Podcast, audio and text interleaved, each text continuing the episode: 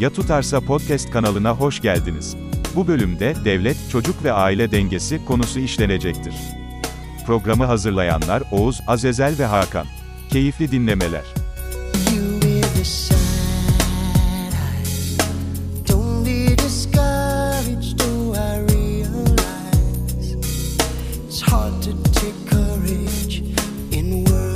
Merhaba değerli dinleyiciler.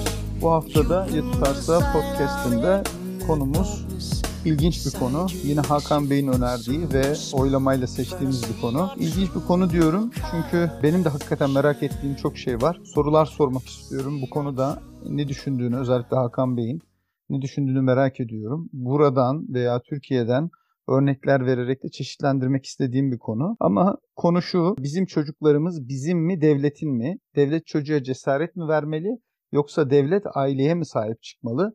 Hatasız aile nasıl olabilir? Yani her biri aslına bakarsanız birer konu olabilecek ardarda arda gelmiş sorular.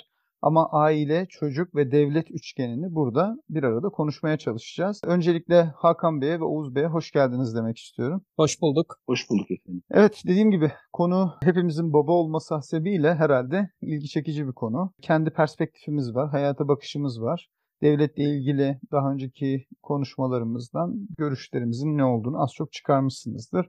Gerek yaşadığımız ülke olsun, gerek yetiştiğimiz, kültürünü aldığımız, kültürünü edindiğimiz ve kalbimizin bir parçasının orada olduğu ülkeler olsun. Oğuz Bey zaten direkt olarak orada. Gerek devletin, gerek çocuk eğitiminin, gerek çocukla aile ilişkilerinin genel şablonu bugüne kadar çizmeye çalıştık. Peki bu üçgende durumlar nasıldır?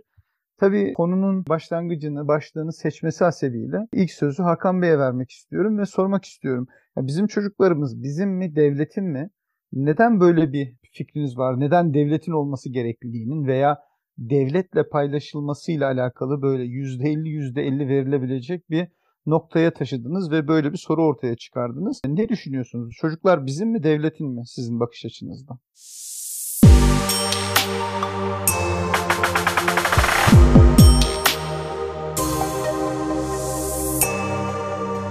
Teşekkür ediyorum. Sorunuz tabii ki çok geniş bir soru. Aslında bunu ben düşünürken sizlerin fikriyle harmanlanmış ortak bir kanaat elde etmek için en başta böyle bir konu tercihim oldu. Fakat bu konuyu herkesin düşündüğünü, herkesi düşündürdüğünü, anne baba olan veya anne baba adayı veya bir kere anne baba mevhumunu bilen herkesin bunu düşündüğünü tahmin edebiliyorum. Konumuz evet anne baba, devlet ve çocuk ilişkisi aslında. Neden bunları söylüyoruz? Evet sizin sorunuz ölçeğinde düşünelim konumuzu. Çocuklar bizim midir, devletin midir yoksa kimindir? En başta söylemek lazım insan hak ve özgürlükleri noktasında ve Allah'ın insanları bir birey olarak yaratması sadece vesile olarak anne babayı peşlerine takması veya onları hayatlarında bir kare olarak yaratması itibarıyla e, bunların hepsi harmanlandı. Evet anne baba vardır. Fakat bunların hepsi kendi başlarına bir bireydir. Bunlar kimsenin aslında bu benimdir diyebileceği, sahiplenebileceği, yaratıcılarının dışında sahiplenebileceği bireyler değildir özgür varlıklardır. Fakat şu da bir, bir gerçektir. Eğer anne baba mevhumu varsa ister inanç toplumlarında olsun, isterse inancı tercih etmeyen toplumlarda olsun, ister seküler toplumlarda olsun, isterse yarı seküler veya sekülerizmi hiç tadamayan, bunun hazını erememiş toplumlar olsun. Anne baba mevhumu kutsal bir varlıktır ve anne babanın kendince bir hikmeti vardır. Ve anne baba özel bir kavramdır. Dolayısıyla başlangıç olarak bir tez bununla ilgili bir tez okumaya başlamıştım. Bu tezde bir şahıs var John Bowlby diye. Kendisi İngiliz bir psikolog. Onun bir sözü var. Oradan başlayarak konuyu açmaya çalışıyorum.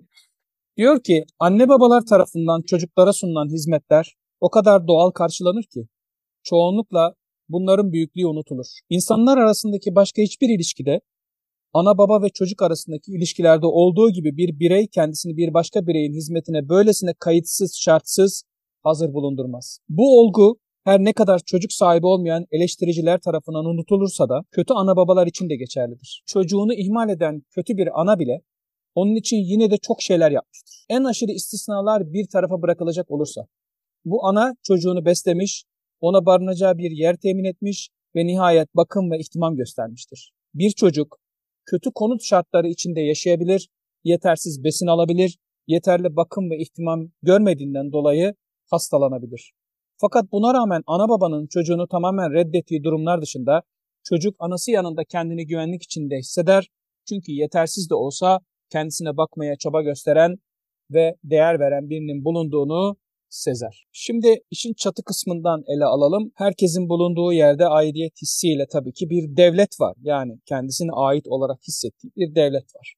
Bu devlet en temel bize bize bakan yönde, en temel hak ve hukuklar noktasında bizim devletten talep ettiğimiz şeyler düşünce dünyamızı, inançlarımızı korumak ve bunu teminat altına almak, canı korumak, nesli korumak, aklı korumak, malı korumak gibi beş temel esas. Ama bunlar tabii şartlara, değişik bakış açılarına göre bunlar değişebilir. Ama bir devletin halkını korumakla yükümlü olduğu gerçeğini değiştirmez. Tabii ki 21. yüzyıl dünyasında yaşıyoruz. Nesiller çok farklı geliyor, çocuklar çok farklı geliyor.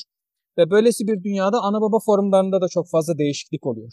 Buna göre çocuklar bu şartlar içerisinde belli sebeplerden dolayı korunmaya ihtiyaç hale gelebiliyor. Ana babalar yetersiz kalabiliyor. Kendini fazlaca işte geçime kaptıran, e, fazlaca materyale kaptıran, çocuklarını çok fazla ilgisiz bırakan, alakasız bırakan bunların tam tersi de mevcut. Onu da söyleyeyim ki bununla ilgili sizin çok daha şey çok daha fazla şey söyleyeceğinizi düşünüyorum. Tam tersi de mevcut. Yani sistemin zoruyla devletin kendi izlediği politikalar sebebiyle. Bunun Türkiye'de tam olarak böyle olduğunu söyleyemem. Ama okumalarım var kendime göre. Ama bu modern diye düşündüğümüz ülkelerde evet bununla ilgili Azazel Bey de konuşacaktır. Devletin çocukları ailelerine karşı direkt olmasa da belli faaliyetleriyle koruma adı altında kışkırttıkları ve anne baba müessesesini gereksiz bir şekilde yıprattıkları ve gözlerinde olması gerekli olan şekliyle aile kavramını değersiz kıldıklarını düşünüyorum. Yani şunu söylüyorsunuz. Diyorsunuz ki devletin bırakın çocukları korumayı, çocukları koruma adı altında aslında ailelerinden Evet. bile uzaklaştırdığı, aileye, aile münasebetlerine zarar verdiğini düşünüyorsunuz. Evet, dünyadaki her bir refleksin, hiçbir hareketin boşuna çıktığına inanmıyorum. Dolayısıyla devletin korumacı politikayla çocukları aşırı koruma refleksinin de muhakkak dünyadaki birçok istismardan, çocuklar üzerindeki yanlış yapılacak olan şiddetten, işte psikolojik şiddetten, aklını, varlığını ve bedenini ve ruhunu ve ihtiyaçlarını tamamen tehlikeye atacak olan bütün tehditlerden çıktığına inanıyorum. Fakat şu an günümüzde şunu görüyoruz. Benim yaşadığım coğrafyada dahil olmak üzere. Bazı büyük ve modern ve rehavete oturmuş ülkelerde ki bazı ülkeleri de mesela ziyaret etme fırsatım oldu. Bazı velilerle de konuştum. Mesela bunlardan birisi de İsveç'tir. Evet bu tür yerlerde devletin ve devletin yönetim altındaki eğitim sistemlerinde pedagoglar da dahil olmak üzere tamamıyla çocukları aileye karşı evet ben bir bireyim, siz gibi bir bireyim. Buraya kadar doğru. Kendi hak ve özgürlüklerim de olabilir. Evet bu da doğru. Fakat ben sizin aynınızım. Hatta ben sizden daha üstünüm. Onun için siz benim üzerimde tasarruf hakkı değilsiniz gibi yorumlara sebebiyet verebilecek. Ve çocuklar arasında da algıyı bu şekilde yönetebilecek olan bazı yanlış politikaların tüm dünyada böyle bir el tarafından demeyeceğim. Bu ayrıcı bir şeye girer, komplo teorilerine. Öyle girmek istemiyorum. Fakat bir el tarafından çocukların bu şekilde ayrıca istismara maruz kaldığını düşünüyorum. Dolayısıyla bu konu bana cazip geldi. Bunu konuşmak istedim. Türkiye özelinde bir araştırmam var. Neler var, nasıl oluyor, devlet nasıl teminat altınlanıyor, hangi suçları suç olarak veya hangi şeyleri suç kapsamı dışında kabul ediyor, çocukların durumları nelerdir. Fakat dediğim gibi böyle bir arızanın ve problemin varlığına inanıyorum. Dolayısıyla aileler, şimdi oraya da size bir fikir vermesi için söylüyorum. Böyle olunca çocuklardaki cesaret ailelerdeki korkaklığa sebebiyet veriyor.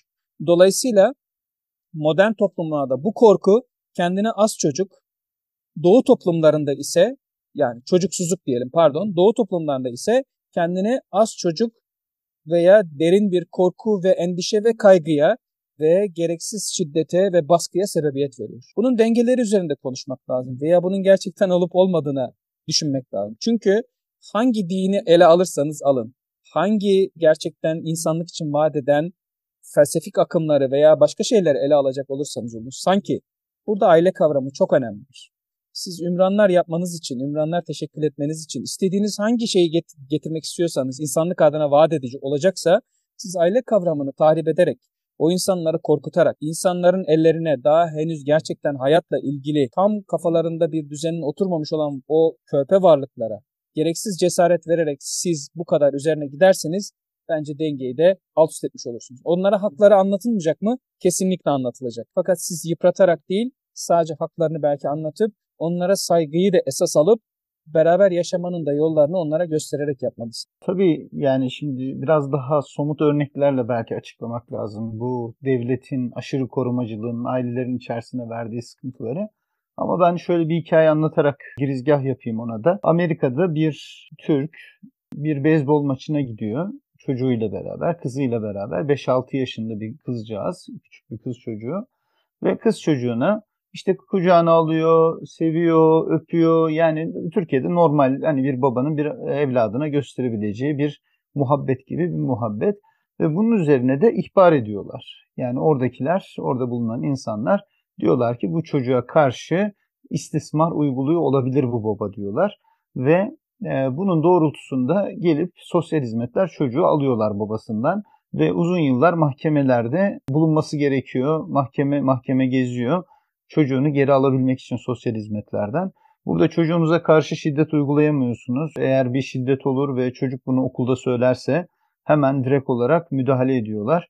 E, şiddet uygulansın çocuğa karşı diye söylemiyorum ama bizim çocuğun mesela bir gün düştü, suratını vurdu şeye, merdivenin korkuluğuna ve direkt olarak hemen bize haber geldi. Yani o gün çocuğun suratı böyle olmuş ama merdivene vurduğunu söylüyor fakat merdivenin korkuluklarına bu şekilde çocuk vuramaz.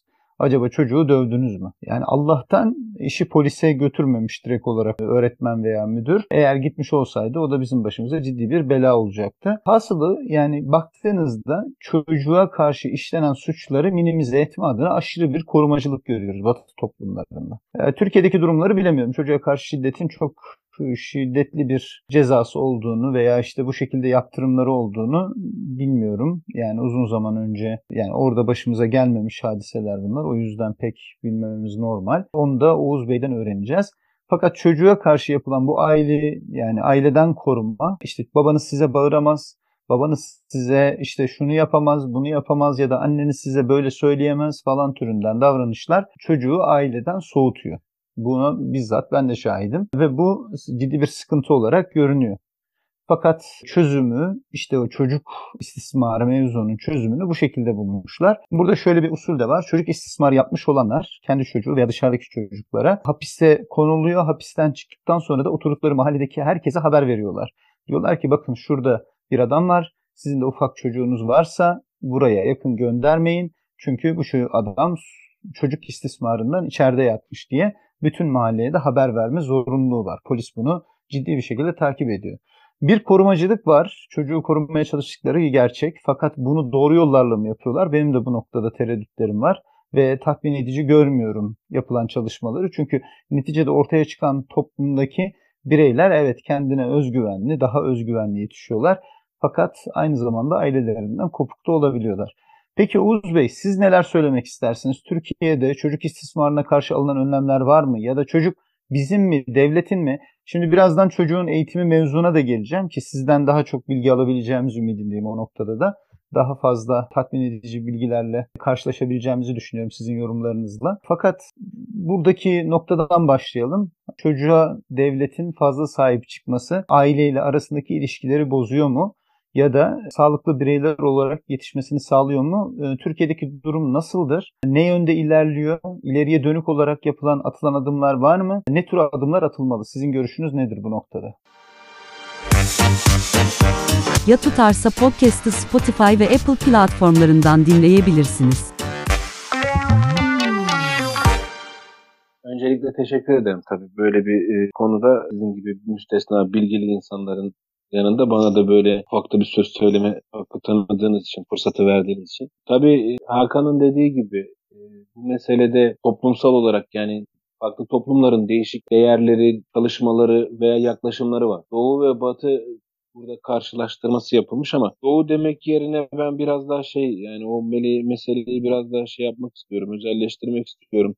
Yani Orta Doğu özelinde mesela bizim de ülkemizin bulunduğu bir Orta Doğu özelinde mesela özelleştirirsek tabii ki sizin bulunduğunuz coğrafyalara, sizin bulunduğunuz ülkelere göre bakış açısı çok farklı. Yani en son sorunuzdan bahsedeyim. Çocuk istismarı veya çocuğa karşı işlenen suçlar karşısında ülkemizde tedbir var mı? Tabii ki var. Medeniyetsiz miyiz kardeşim? Tabii ki var. Kanunlarımız var. Buna karşı insanların, toplumun bilgilendirilmesi, bilinçlendirilmesi var. Nasıl diyorlar? Sivil toplumun bu konuda ciddi bir hassasiyeti var. Çocuklara karşı istenen suçlarda, kadına karşı istenen suçlarda artık e, ciddi bir hassasiyeti var. Ama acaba bu konu kanunlarla, yasalarla, cezalarla kontrol altına alınabiliyor mu, engellenebiliyor mu buna bakmak lazım. Siz de takip etmişsinizdir son dönemde Türkiye'de meydana gelen hadiselerde mesela İstanbul Sözleşmesi'nin kaldırılması konusu vardı mesela. İstanbul Sözleşmesi'nden çıkılması konusu vardı. İstanbul Sözleşmesi kadını ne kadar koruyordu? İstanbul Sözleşmesi'nden çıkınca e, mevcut kanunlar kadını ne kadar koruyacak? Bu tartışılıyor hala tartışılmaya devam ediyor. Ve birileri İstanbul Sözleşmesi'ni tekrar getireceğini söylüyor. Tekrar İstanbul Sözleşmesi'ne girileceğini söylüyor.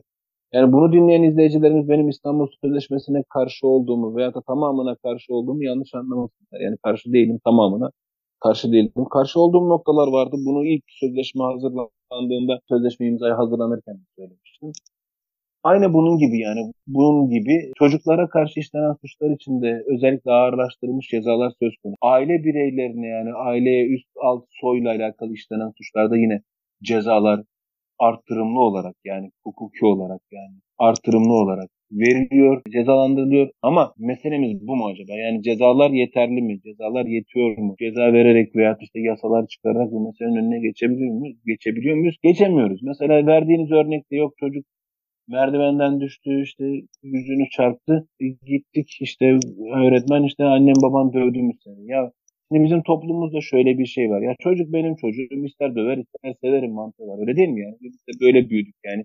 Yediğimiz dayağın haddi hesabı yoktur bizden. Ama şimdiki çocuklar böyle değil. Yani şimdiki çocuklar dövülemiyor da. Yani şimdi dövülmüyor değil. Dövülemiyor. Çünkü ellerine telefonlar, tabletler, internet bir sürü bilinçlendirici, bilgilendirici yayın kitaplarında, ders kitaplarında veya okullarda bu konularda bilgilendirmeler yapılıyor.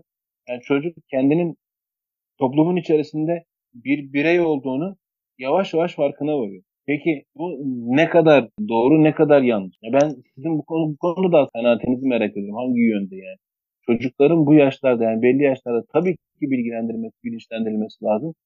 Ama bireysellik konusunda acaba biraz erken mi davranıyoruz veya işte yani fazla mı çocuklarımıza böyle bireysellik ve özgüven aşılıyoruz? O konuda biraz şeyim. Yani eğitim işiyle de uğraşmaya çalışıyorum. Yani bir ve bunun sıkıntısını görüyorum. Yani çocukların üzerinde çocuklarda görüyorum.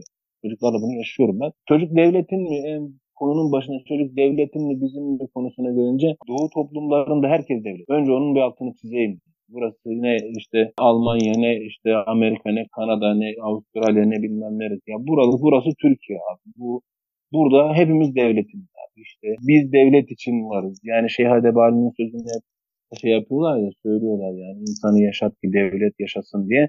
Bu mantık çok eskide kalmış, çok değişmiş. Yani belki o söylendikten 15 yıl sonra, 20 yıl sonra, belki 50 yıl sonra o söz unutulmuş diye düşünüyorum. Benim kanaatim artık bu noktada şey yaptı. Abi hepimiz devletiniz, devlet için varız. Ne ee, demek, dün, ne demek istiyorsunuz? Bunu bunu biraz açar mısınız? Yani biz devletiniz ne demek sizin tabirinizde? Ya yok şöyle, e, bunu şey olarak söylüyorum. Hemen celallenmeyin. Eleştiri olarak söylüyorum. Bunu bir eleştiri olarak söylüyorum. Bunu kabullenmek, kabul şey olarak söylemiyorum. Ya. Bu taraftarı olduğum bir şey değil. Ya. Hemen Yok celallenmedim ben. Gerçekten yani merak ettiğim için, merak ettiğim için soruyorum. Sizin... Yok yok hayır ben celallenmedim. Öyle sadece soruyorum yani daha açılması için biraz daha. Şimdi bizim sorduğumuz sorunun içerisinde çocuklar bizim mi devletin mi sorusunun içerisindeki devletin miyiz manasında mı söylüyorsunuz? Yoksa sizin kafanızda bizim devlete ait olmamızda ya da Doğu toplumundaki insanların devlete ait olmasıyla alakalı farklı bir yorum mu var? Onu öğrenmek istiyorum. Ya şöyle bir yorumum var bu konuda. Birçok insan da belki bunu hani yadırgayacaktır. Çünkü artık asır değişiyor, başkalaşıyor ama yani bu kabul ettiğim bir şey değil, eleştirdiğim bir şey. Tekrar söylüyorum, altını çizerek söylüyorum ama ya bizde bir şey mantığı var. Kapı kulu mantığı var ya. Yani hepimiz işte e, devletin dün padişahındı, bugün devletindi. işte hepimiz vatandaş. Vatandaşlığın ötesinde yani kulluk boyutunda yani kapı kulu boyutunda bir anlayış e, oluyor Doğu toplumlarında devlete karşı. Dolayısıyla biz de devletiz, çocuklar da devletiz. Devlet çocuk yani çocuklara bizden daha fazla işte hani kanunlar veya şeyler neticesinde sizin oradaki gibi yani çocuğunuza e, siz mi dövdünüz falan şeklinde değil yani kendi malı gibi zaten hep bizi görüyor ki yani. Doğu toplumlarında devlet. Ya bizde de böyle. Yani ben çocuğumu nasıl siz eleştirebiliyorsun? Ya ben babayım, döverim de, severim de çocuğumu. E çocuk bana diyor şimdi hayır sen beni dövemezsin, sen vuramazsın, sen bana el kaldıramazsın. Ben bizzat bakın yaşadığım bir hadiseyi anlatayım size. Yani, yani çocuk, yani öğrencilerimden bir tanesi e, çocuk babasının gönül ilişkisinden dolayı bir kız çocuğu babasının evden çıkarmaması veya biraz baskı uygulamasından dolayı o sebeple polise şikayet et. Babası bundan dolayı gözaltına alındı. Kız devlet korumasına alındı öğrenci. Devlet korumasına alındı. İşte 18 yaşına kadar devlet korumasına alınıyor biliyorsunuz. Devlet korumasına alındı. Bir yıl, bir, sanırım bir yıl, bir buçuk yıl kadar da devlet korumasında kaldıktan sonra yani yaşı dolana kadar reşit olduktan sonra da yurttan ayrılıp işte o görüştüğü veya işte tanıştığı çocukla evlendi. Yani diyorum ya size yani çocuklar bilinçlendiriliyor. Evet özellikle istismar konusunda yani çocukların istismarı konusunda çocukların önceden bilinçlendirilmesi nasıl davranmaları gerektiği, bunu nasıl anlatmaları gerektiği, bu konuda işte insanlara nasıl tepki vermeleri gerektiği konusunda kesinlikle çocuklar bilinçlendirilmeli. Ama internettir, televiz televizyondur vesaire yayınlarda dizilerdir şundur bundur bir sürü şeyin sebebi e, çocuklarda çok ciddi bir özgüven patlaması görüyorum. Çok ciddi bir özgüven patlaması görüyorum. Ve çocukların benim yani çocuğum da aynı şekilde bazen görüyorum, onda da seyrediyorum. E çocuklar e, 9-10 yaşlarında, 15 yaşlarında gibi değil de mesela 10 yaşındaki çocuğun 20 yaşındaki, 25 yaşındaki insanlar gibi davranmaya başladığını, konuşmaya başladığını görüyoruz. 13 yaşındaki ortaokul öğrencilerinin yani sanki 20-25 yaşındaymış gibi konuştuğunu, davrandığını, davranmaya çalıştığını, karşısındakine karşı o şekilde bir tavır içine girdiğini görüyorsunuz. Bakın bunu kesinlikle hani onun kendi tercihidir. Ona bir şey diyemem ama Doğu toplumlarında bizim gibi toplumlarda bu biraz yadırganıyor. Yani bir 5-10 seneye bu da geçer. 5-10 seneye bunun yadırgan, bunu yadırgayan nesil de ortadan kalkacağı için ağırlıklı olarak yani süre ilerledikçe bu tarz hareketleri, bu tarz davranışları yadırgayan nesil ortadan kalkacağı için de e, mesele kökünden çözülmüş olacak. Ama mesele bu şekilde çözülürken iyi mi olacak, kötü mü olacak? E, bu konuda sizin de tabii kanaatlerinizi duymak önemli benim için. Dediğiniz gibi ben ne düşünüyorum? Devletin e, ne devletiniz derken ne demek istiyorum? Yani bilmiyorum izah edebildim ama gerçekten sizin yaşadığınız ülkelerdeki gibi bakmıyoruz biz. Yani devlet, devlet bizim için kutsanan, kutsallaştırılan, kutsiyet atfedilen bir mekanizma. Yani normalde hani insanı yaşat ki devlet yaşasın mantığıyla bakıldığında önemli olanın insan olması gerektiğini görüyorsunuz. Çünkü vatandaş yoksa devlet nasıl olacak? Bir devleti oluşturan en asli unsur, en önemli unsur insanlarıdır, halkıdır diyorsunuz. Ama bir müddet sonra işin rengi değişiyor. Devlet senden fazla senin, senin çoluğuna çocuğuna senden fazla hatta sana senden fazla sahip çıkıyor. Sahip çıkıyor derken ihtiyaçlarını görüyor işte şunu yapıyor bunu yapıyor değil. Malınmış gibi görüyor. İstediğini yapabilirmiş gibi görüyor. Bazen öyle oluyor ki Orta Doğu'da görmüyor musunuz ülkeleri? Sorgu sual hakkı bile tanımıyor. Yani, yani sen hani fikrini, kanaatini bile söylüyor. Yani bu mantıkla büyüdüğümüz için yani ben Hakan Bey'in de herhalde çocukları devletin mi, bizim mi Çocuklara acaba bu noktada farklı bir şey mi aşılamak lazım? Bunu merak ediyorum. Biraz uzattım özür dilerim. Bunu anlatabildim mi yani? Sinirlendiğiniz, agresiflik yaptığınız kısma cevap verebildim. Yo agresiflik yapmadım da yani cevap oldu herhalde. Yani anladığım kadarıyla devlet başa kuzgun neşe mantığı genel olarak Doğu toplumlarının mantığıdır. Devlet sahip çıkar, devlet bizim babamızdır. Devlet bizi korumakla işte bir onun için biz her şeyi yaptığımız gibi bizim için her şeyi yapmalıdır gibi bir anlayış var. Ve onun ötesinde yani. Batı toplumlarında tabii ki devlet dediğiniz zaman akla gelen şey hizmet eden yani servant buranın tabiriyle hizmet eden bir kurumdur, kurumsaldır, e, kurumsal bir yapıdır. Baştakiler değişir, iktidarlar değişir, yöneticiler değişir ama her durumda öncelikli görevi halka hizmettir. Halka hizmet etmekle yükümlüdür ama halkın ona karşı hiçbir yükümlülüğü yoktur. Yani bakış açısı. Şöyle söyleyeyim, yani tabii bunu siz daha iyi biliyorsunuz her zaman gibi Hakan Bey de öyle ifade edecek. Yani bu işi kim bilir? Yani bilse bilse Azazel bilir, başka kimse bilmez bu işi. Hatta en iyi o bilir falan diye. Karşılıklı şimdi böyle şeyleriniz oluyor ya sizin. İşte sen daha iyi bilirsin ya tabii ki bilirsin falan diye. Bakın biz toplum olarak, kültürel yapı olarak yani mensup olduğumuz hani bir toplum ve millet açısından devletin bir parçası, devletin bir organı olarak kendimizi yani vatandaş olarak. Bu Orta Asya'dan bugüne kadar böyle. Yani at sırtında savaşırken de, işte göç ederken de, göçebeyken de, yaşarken de, o şekilde yaşarken de kendimizi bu devletleşme gerçekleştiğinden beri yani bu yönetimsel olarak gerçekleştiğinden beri kendimizi bir devletin bir organı bir parçası olarak yani hani her Türk asker doğar diyorlar ya e, o her Türk asker doğar sözü bugüne ait bir söz değil. Bu ta yüzyıllar öncesine ait bir mesele. Devletin bir parçasıyız. Yani kendi başına devletin bir organıyız yani insan olarak.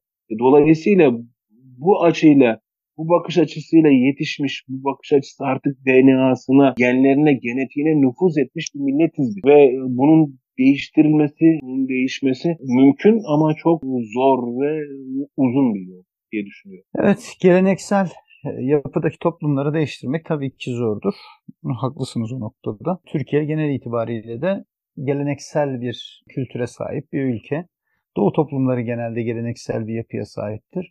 Dediğiniz gibi başımızda bir lider görmeyi severiz. O liderin bizi yönlendirmesini severiz. O lideri tasaffi seviyesinde tamamen durulaşmış, arınmış. Peygamber demeyiz belki. Peygamber kadar yüksek mertebe vermeyiz ama ona yakın bir mertebeye, onun hemen kürsüsünün yanına oturtup suçsuz, kabahatsiz, aslında etrafındakiler kötü, bir olumsuz bir şeyler gittiğinde de bu noktadan bakmayı severiz. Ve devletin başında da böyle insanlar görmeyi de severiz. Güçlü figürler görmeyi severiz.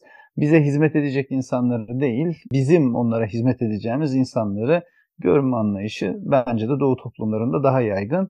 Öyle olunca devleti kutsallaştırma var. Fakat aynı ya zamanda... Valla on numara bir şey söylediniz bak. On numara bir şey söylediniz. Yani biz şimdi önümüzde de bir seçim var ya. Evet. Şimdi biz seçim yaparken bize hizmet edecek adamı değil, bizi yönetecek bakın dikkat edin bakın. Bizi yönetecek adamı seçmeye gidiyoruz. Kafamız bu, kafa yapımız bu. Bunun değişmesi. Yani biz bize hizmet normalde adamı ben oy vererek benim vekilim tayin ederek ya diyorum sen git ben Ankara'ya gidemiyorum işim gücüm var. Sen git şu işlerimi benim adıma takip et diyorum. Ya ben vekaletname veriyorum adama. Git diyorum bu işimi takip et diyorum. Öyle değil mi yani mantıklı değil mi? Bu olması lazım. Ama biz onu yapmıyoruz. Bakın bizim mantığımız o yok. Bizim mantığımızda ne var? Ya ben kendimi idare edecek yani çünkü ben geri zekalıyım. Kendimi idare edemiyorum. Beceremiyorum onu, düşünemiyorum, idraksizim. Oy verdiğim, benim seçtiğim yani oy verip seçtiğim, ben oy vermesem seçilemeyecek. Oy verip seçtiğim adamın benden daha üstün yeteneklere sahip olduğunu, benden daha iyi bir yönetici olduğunu, benden daha öyle üstün vasıflara sahip olduğunu düşünüyorum. Buna inanıyorum bir müddet sonra. İnanıyorum kalpten ve diyorum ki o başımızdan giderse ne olur halimiz hiçbir şey yapamayız. Ya sen seçtin o adamı. O adam kendi kendine gelmedi ki oraya. Kendi iradesiyle, kendi gücüyle gelmedi ki sen seçtin. Farkında değiliz. Anlatabiliyor muyum? Biz kendimizi yönetecek adam seçiyoruz. Hizmet edecek adam seçmiyoruz. Hatamız bu aslında. Şimdi tabii devletin ne olduğu, devletin ne olması gerektiği konusunu bir başka başlık olarak konuşacağız zaten. Ama özetlemiş olduk. Kafamızdaki ana düşünce devletle alakalı. Burada biraz daha yerine oturmuş oldu kanaatindeyim. Şimdi bu devlete peki verilen yetki yani şimdi evinizi kontrol etmeye kadar bir yetki veriyorsunuz. Çünkü çocuklarınızı okula gönderiyorsunuz ister istemez. Yani burada homeschool diye bir usul de var. Türkiye'de de eminim buna benzer bir şey vardır. Homeschool çocuğunuzu diyorsunuz ki ben devlet müfredatında okutmak istemiyorum. Evde kalsın çocuğum. Ben kendi çocuğumu eğitmek istiyorum. Türkiye'de bunun öncüsü olan müthiş bir karakter vardır. Allah şarkısının hem söyleyeni hem yazarı Erkin Koray. Erkin Koray çocuklarını okula göndermiyor ve diyor ki ben kendi çocuklarımı kendim eğitebilirim. Devletin de iyi eğittiğini düşünmüyorum demişti. Bununla alakalı da ciddi cezalar ödemişti bu arada. Türkiye'de hatırladığım kadarıyla böyle bir sistem de vardı. Çünkü okuluna çocuğunu göndermediğinizde bir ceza ödemeniz gerekiyordu. Ki o da aslına bakarsanız hazır tarihi bir mevzuya girmişken buradan istifade oraya da döneyim e, Almanya'da başlamıştır 1800'lerde. Çocuklar okula gitmediği zaman çocukların babaları para ödemek durumunda kalmıştır. Okula gidemeyen çocukların para, babaları bununla alakalı karneler tutmuşlar ve Almanya'da 1860'lara gelindiğinde okuma yazma oranının %95'lere kadar çıkmasına sebep olmuştur bu durum. Ve Almanya'da bugün mühendis yetişme tabanı o senelerde kurulan üniversitelerle alakalıdır. Mühendislik hala Almanya'da çok önde gelen bir hususiyet biliyorsunuz. Şuraya geleceğim ama e, çocuğunu okula göndermeyip devletin vermesi gereken bir hizmettir çünkü okul.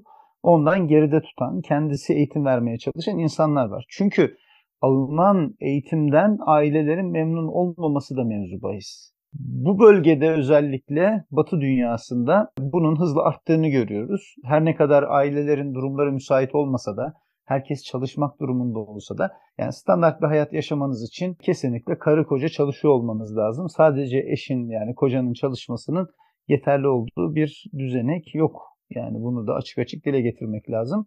Ama Türkiye'deki çocuğa okulda verilen eğitim veya çocukla ailenin arasındaki durumlarda aileyi anlayabilme empatisinin daha gelişmiş olduğunu düşünüyorum. Bu noktada Türkiye'nin durumunu daha takdir edilir buluyorum. Aileleri daha iyi anladığını düşünüyorum. Okul yöneticileri veya işte çocuklarla muhatap olan kesimin. Ama ister istemez bazen bunun ters teptiği noktalar da oluyor. Çocuk hakikaten çok ciddi bir istismara maruz kalıyor. Sadece cinsel istismar olarak düşünmeyelim bunu. Dayak atmak, çocuğa hakaret etmek, her gün azarlamak, dövmek veya işte efendim götürüp çalıştırmak, çocuk işçi olarak çalıştırıp onun parasını elinden almak bu tür şeyler de istismardır. Çocuğa her türlü istismar uygulanabiliyor. Aile içerisinde ciddi istismarların olduğunun sık sık haberlerini alıyoruz. Cezaların ağırlaştığını söylediniz ama üzülerek görüyorum. Bugün bir haber gördüm mesela. Çok hakikaten canım sıkıldı. Haber şuydu. Bir kadının yüzüne kezzap atmış adam. Eski eşi ve 5 yıl hapis cezası. Yani bir de bu ağır bir cezaymış. Yani affedersiniz ama o kadının hayatını karartıyorsunuz, şey yapıyorsunuz. Yani bu yeterli bir ceza olarak görmüyorum ben bunu. Yani o hayatı bu, kararttıktan sonra evet. Yani sonu şöyle söyleyeyim. Türk Ceza Kanunu'nda son dönemde yapılan değişiklikler var. Bazı suçlar var. Suç ya bak adı üstünde suçlar var ama cezası yani. Cezası yok. Niye? 5 yılın altındaki cezaların çoğunluğunun yatarı yok. Yani cezaevine girmiyorsunuz. Belki 6 ay kalıyorsunuz.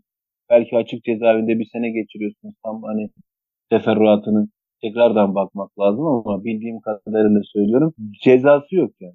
5 yılın altında olan cezalarda zaten hükmün açıklanması geriye bırakılıyor, bırakılır diye bir şeyler var, hükümler var yani. Yasaya girmiş.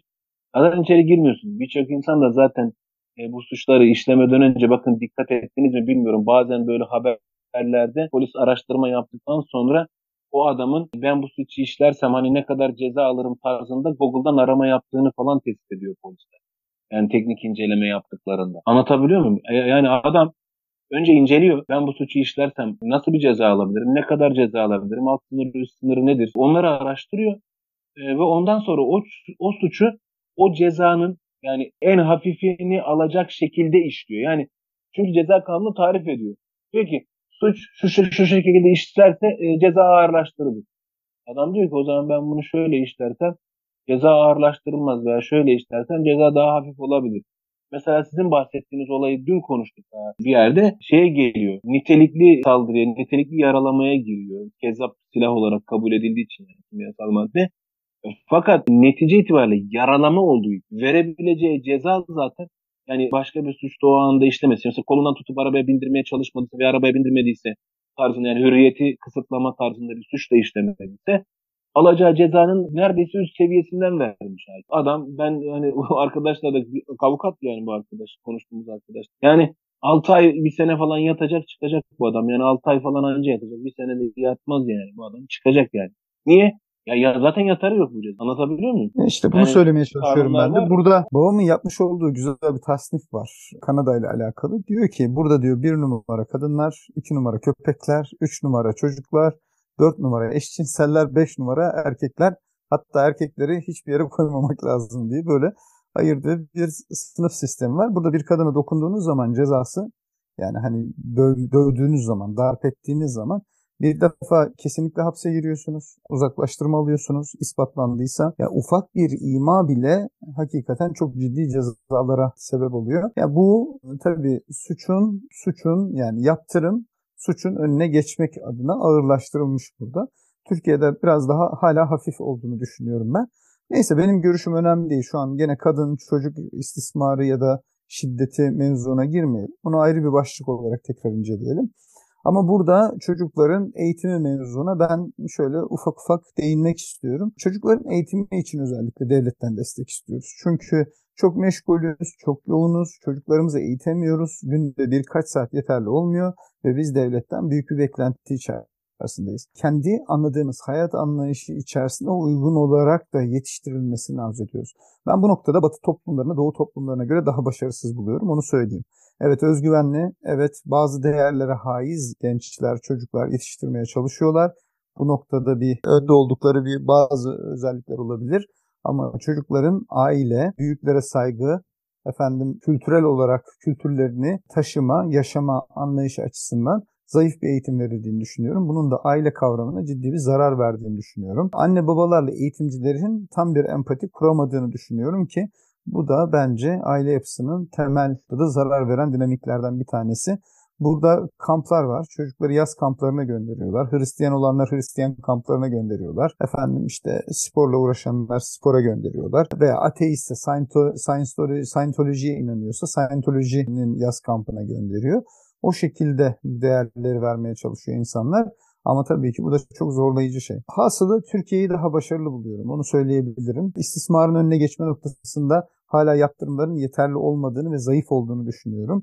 Birçok noktada çocuk istismarının devam ettiğine dair bir his alıyorum okuduğum haberlerden. Yani yıllar sonra çocuklar gelip itiraf ediyorlar falan. Yani bir de geçen hatırlayacaksınız bir tarikatla alakalı olarak 6 yaşındaki kız çocuğunun evlendirilmesi mevzu gibi bir husus vardı ki hakikaten yürek yaralayıcı, yürek dağlayıcı. Bu çocuk gelinler mevzu da çok bir çok önemli bir dönem bir konu olarak işlendi. Şimdi daha da azaldığını düşünsem de hala çocuk istismarı, aile içi çocuk istismarı, şiddet mevzularının yoğun olduğunu düşünüyorum. Bu noktada devlete çocuğu koruma noktasında önemli görevler düşse de çocuğun eğitimiyle alakalı yönlendirmelerde ailenin koparılmasına, aileden koparılmasına sebep olan kararlar verildiği kanaatindeyim.